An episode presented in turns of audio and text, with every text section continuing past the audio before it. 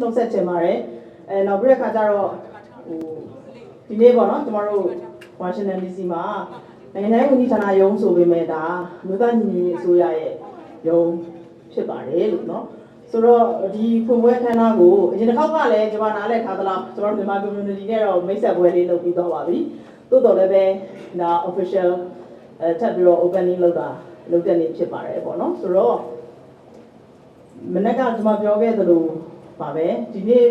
ဖွင့်လှစ်တဲ့အချိန်ကဘယ်လိုတိုက်ဆိုင်မှုတွေရှိနေလဲဆိုတော့တကယ်တော့ဒီဇင်ဘာလထဲမှာ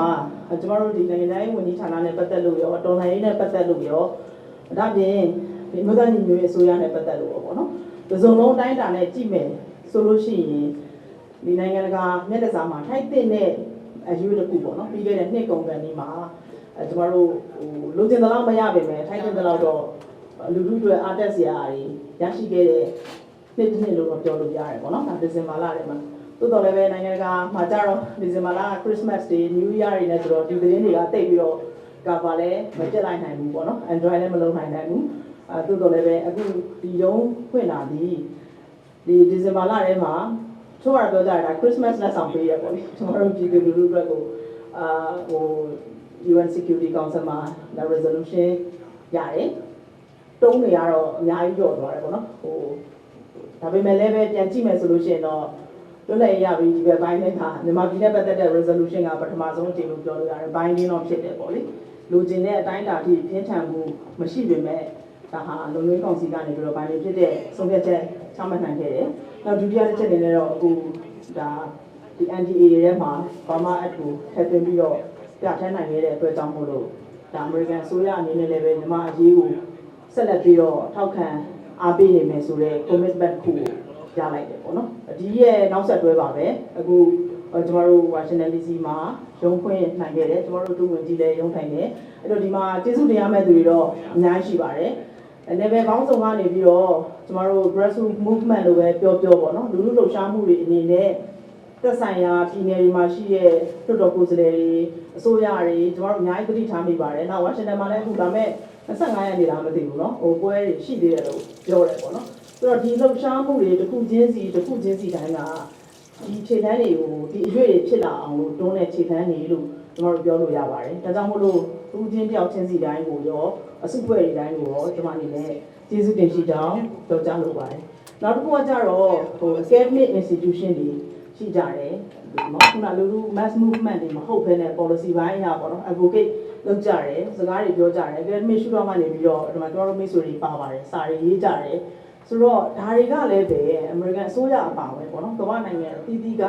နိုင်ငံတွေမှာမြန်မာအရေးနဲ့ပတ်သက်လို့ပေါ့နော် policy shape လုပ်တဲ့နေရာမှာအရန်ကိုအရေးကြီးပါတယ်ဒါကြောင့်မို့လို့ဒီ academic တွေရောကျွန်တော်တို့ advocacy group တွေကိုလည်းပဲကျွန်မအနေနဲ့ထပ်လောင်းပြီးတော့ကျေးဇူးတင်ရှိကြောင်း ပြောကြားလိုပါတယ်အဲဆက်လက်ပြီးတော့လည်းပဲအဲကျွန်တော်တို့ဒီတော်မန်ရေးအတွက်ကောမြန်မာဒီမိုကရေစီရေးအတွက်ကောပေါ့နော်သက်ဆိုင်ရာကဏ္ဍတွေကနေပြီးတော့အာစူးစမ်းအထောက်သွားကြမယ်ကျမတို့လည်းအကြံပေးစရာတွေရှိရင်လည်းအကြံပေးကြလိမ့်မယ်လို့ကျွန်မအနေနဲ့ယုံကြည်တယ်ညွှန်နေတယ်ပေါ့နော်ဆိုတော့ဒီ2023ဟာဟို2023ကကျွန်တော်တို့အရင်အရေးကြီးတဲ့နှစ်တစ်နှစ်ဖြစ်တယ်ပေါ့နော်ထို့တူစစ်ကောင်စီဘက်ကနေပြီးတော့လည်းပဲခုနပြောတဲ့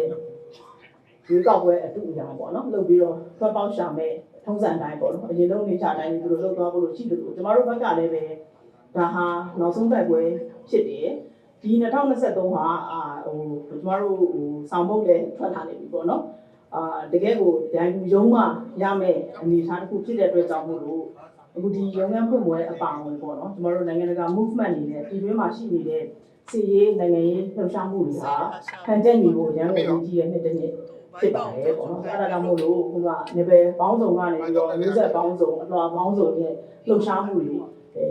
စုံစုံညီညီနဲ့ပေါ့နော်ခံချက်ညီညီဖြစ်ကြဖို့အရန်ကိုအရေးကြီးတယ်ဒီကာလာထဲမှာကျွန်တော်တို့ဟိုဒီဒီရုံးကိုဖွင့်ဖွင့်ရတဲ့အတွက်အရန်ကိုပြကြတယ်လို့ပြောချင်ပါတယ်ဒီကနေပြီးတော့လည်းခွန်အားတွေထပ်ပြီးတော့ရသွားကြစီဖို့ကျွန်မအနေနဲ့ညှော်လင့်ပါတယ်အဲနောက်တစ်ခုကကျွန်တော်တို့ကဒီဒီပွဲမှမနိုင်အောင်မျိုးဆက်တွေအတွက် အဲကျမတို့ရုံးလို့သူတို့ဆက်ရုံးအောင်ရုံးရနိုင်တယ်ကျမတို့တော့တော့ညှော်လင့်ချက်ရှိပါမလားလို့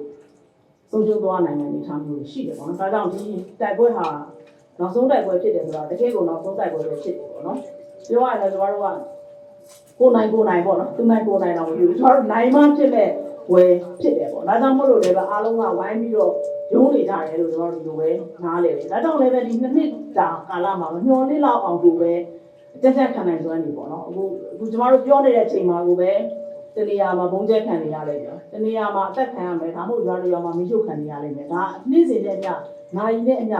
ဖြစ်နေကြတဲ့အဲဒီအကြမ်းဖက်နှိမ့်ဆက်မှုတွေခံနေရတဲ့ကျွန်တော်တို့နိုင်ငံသားတွေရဲ့အနေအထားတွေပေါ့နော်အဲ့တော့ဒါတွေကိုမမေ့မပြောက်ပဲနဲ့အခုကျွန်တော်တို့အဝေးရောက်နေကြတဲ့ဒီပါရောက်နေတဲ့နိုင်ငံတကာက